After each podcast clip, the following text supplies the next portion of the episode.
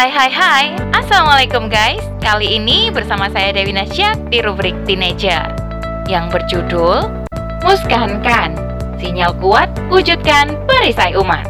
Oleh Miladia Alkiptia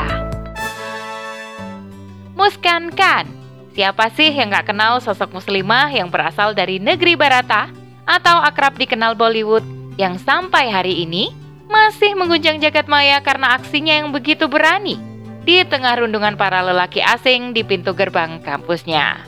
Wah, wah, wah, wah, kalau kamu yang ada di posisi Muskan, apa yang akan kamu lakukan guys? Apakah berani seperti dia? Atau menyerah dan mengikuti pinta para lelaki antah berantah itu? Well, reaksi Muskan patut banget kita acungi jempol guys. Bagaimana tidak? Muskan merespon dengan gagah berani para perundung itu karena sesuatu yang sangat ia jaga kehormatan dan kesuciannya. Ia begitu kuat melawan para perundung itu demi mempertahankan identitasnya sebagai seorang muslimah. Masya Allah banget ya guys. Padahal muskan di sana minoritas loh. Kita yang hari ini hidup di negara mayoritas muslim justru fine-fine aja lepas hijab jika dianggap mengganggu pekerjaan di tempat instansi kita bekerja misalnya.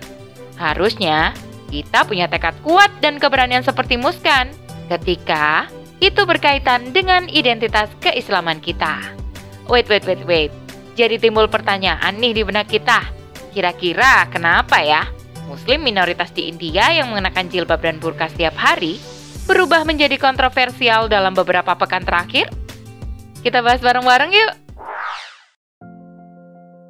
Sebagaimana yang menimpa saudari kita Muskan, Ternyata apa yang dialami bermula dari Partai Bharatiya Janata atau BJP yang berkampanye selama beberapa dekade untuk menerapkan Uniform Civil Code atau UCC guys.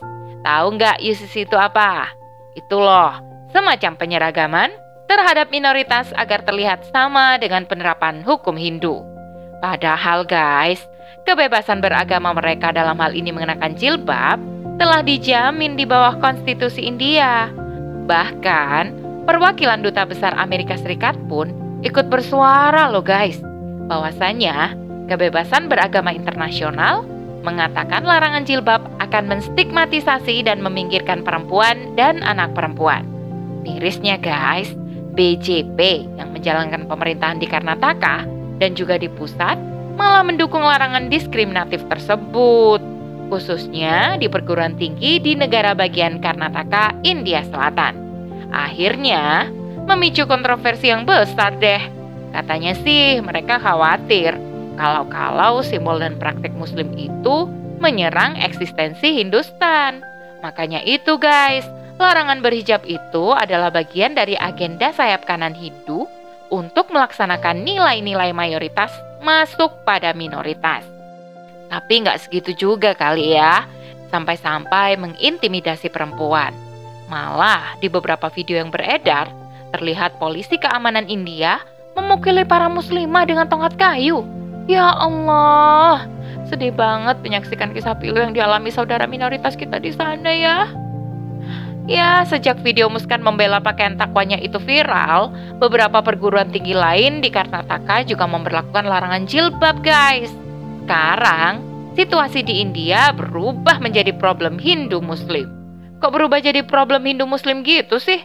Ya iyalah guys, mahasiswa Hindu di sana itu mulai mengenakan shawl saffron di perguruan tinggi mereka sebagai pertanda penentangan dan pelarangan jilbab. Bahkan, dari unggahan di Twitter, kelompok supremasi Hindu di negara bagian utara Uttar Pradesh dan Madhya Pradesh juga telah memprotes hijab guys. Jika di beberapa negara melarang jilbab dan burka berseliweran, itu sudah bisa ditebak guys. Ini pasti dari manifestasi konkret Islamofobia. Coba bayangin guys, permasalahan ini rupanya sudah digalakkan oleh pemerintah India saat ini. Ini sama aja, pemerintah India telah mendiskriminasi warga minoritas. Gimana nggak langgeng ya? Negeri Barata saat ini dipimpin oleh kelompok ultra nasionalis Hindu ekstrim. Bisa-bisa hanya akan mempertontonkan kekejaman dan tindakan kekerasan terhadap muslim minoritas di India. Gak bisa dimungkiri lagi guys, bukan hanya India, Bahkan di negara mana pun yang menganggap Islam itu sebuah ancaman, maka dengan sigap membangun, mengembangkan, dan memperkuat spirit Islamofobia di negaranya. Padahal, kalau dipikir-pikir, negeri kita kan mayoritas Muslim. Justru kita masih memberi ruang bagi minoritas Hindu dan agama lainnya kan? Bahkan banyak candi Hindu, Buddha, kuil, kelenteng, gereja diberi tempat dengan baik kok di negeri ini. Orang Hindu khususnya tenang-tenang aja tuh beribadah di Indonesia. Walaupun kita yakini bahwa hubungan timbal balik ini nggak bakal bisa menghentikan kejahatan mereka terhadap Muslim minoritas di India. Karena apa? Karena yang bisa menghentikan Islamofobia itu bukan negara-negara bagian. Akan tetapi, ia adalah sebuah negara besar yang dipimpin oleh satu kepala negara yang mengomandoi seruan-seruan semisal jihad jika kehormatan seorang muslim dinista. Guys, ada info penting nih buat kamu yang mengaku muslimah. Tahu nggak? Perempuan di dalam Islam itu harus dimuliakan dan dijaga kehormatannya. Islam juga mengharapkan segala bentuk kekerasan dan penindasan terhadap perempuan loh guys. Bahkan, Islam punya konsep terkait perlindungan dan jaminan hak-hak perempuan. Gak percaya? Simak ya. Pertama, Islam menerapkan aturan-aturan yang bersifat khas untuk menjaga kehormatan dan derajat perempuan. Hal ini masuk ke dalam kewajiban menutup aurat seperti yang dijelaskan di dalam Quran Surah An-Nur ayat 31, yakni mengenakan jilbab atau baju kurung ketika berada di kehidupan publik. Hal ini dijelaskan juga di dalam Quran Surah Al-Azab ayat 59. Kemudian, ada larangan berhias yang berlebihan atau tabaruj guys. Buka aja di Quran Surah Al-A'raf ayat 31 dan juga Quran Surah Al-Azab ayat 33. Nah, kedua, Islam menerapkan aturan-aturan terkait interaksi atau pergaulan antara laki-laki dan perempuan. Misalnya, perintah menundukkan pandangan bagi laki-laki yang dijelaskan di dalam Quran Surah An-Nur ayat 30 dan perempuan dalam Quran Surah An-Nur ayat 31. Juga larangan berduaan dan campur baur antara laki-laki dan perempuan tanpa hajat syari. Bayangin aja guys, kalau laki-laki yang memakai shawl berwarna orange itu memeluk Islam. Mereka akan menyesali perbuatannya guys, karena merundung seorang wanita salihah secara kerumunan. Ketiga, penerapan sanksi yang berat bagi pelaku pelecehan atau kekerasan. Guys, dia bisa diberi sanksi atau hukuman penjara plus hukuman cambuk dan pengasingan. Penerapan sanksi bagi pelaku kekerasan akan dihukum kisos jika terjadi pembunuhan atau dihukum takzir maupun membayar denda atau diat jika terjadi penganiayaan fisik. Persis banget yang dialami Muskan dan saudara muslim kita di negeri minoritas ya guys. Masya Allah, seketika aku terkagum-kagum dengan Islam guys betapa sempurna ia memperlakukan hak-hak perempuan. Ini nggak hanya berlaku bagi muslimah saja loh guys. Non-muslim juga akan mendapatkan hak yang sama selama ia menyerahkan harta dan jiwanya kepada kepemimpinan Islam. Tidak hanya muskan guys, apa yang menimpa saudara muslim kita di negeri minoritas sesungguhnya adalah sinyal kuat untuk melindungi mereka dari tindak-tindak ekstremisme, kejahatan, kekerasan, intimidasi, bahkan genosida. Kalian tahu Imam An-Nawawi kan?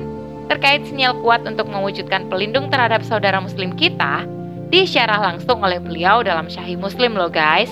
Beliau berkomentar, imam atau khalifah itu perisai, yakni seperti asir atau pelindung, karena imam atau khalifah menghalangi yakni mencegah musuh dari mencelakai kaum muslim.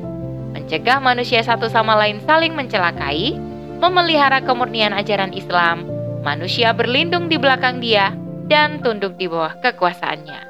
So, perisai ini yang kita butuhkan sekarang guys. Buka mata dan pikiran kalian bulat-bulat ya. Kita sekarang nggak ada imam atau khalifah.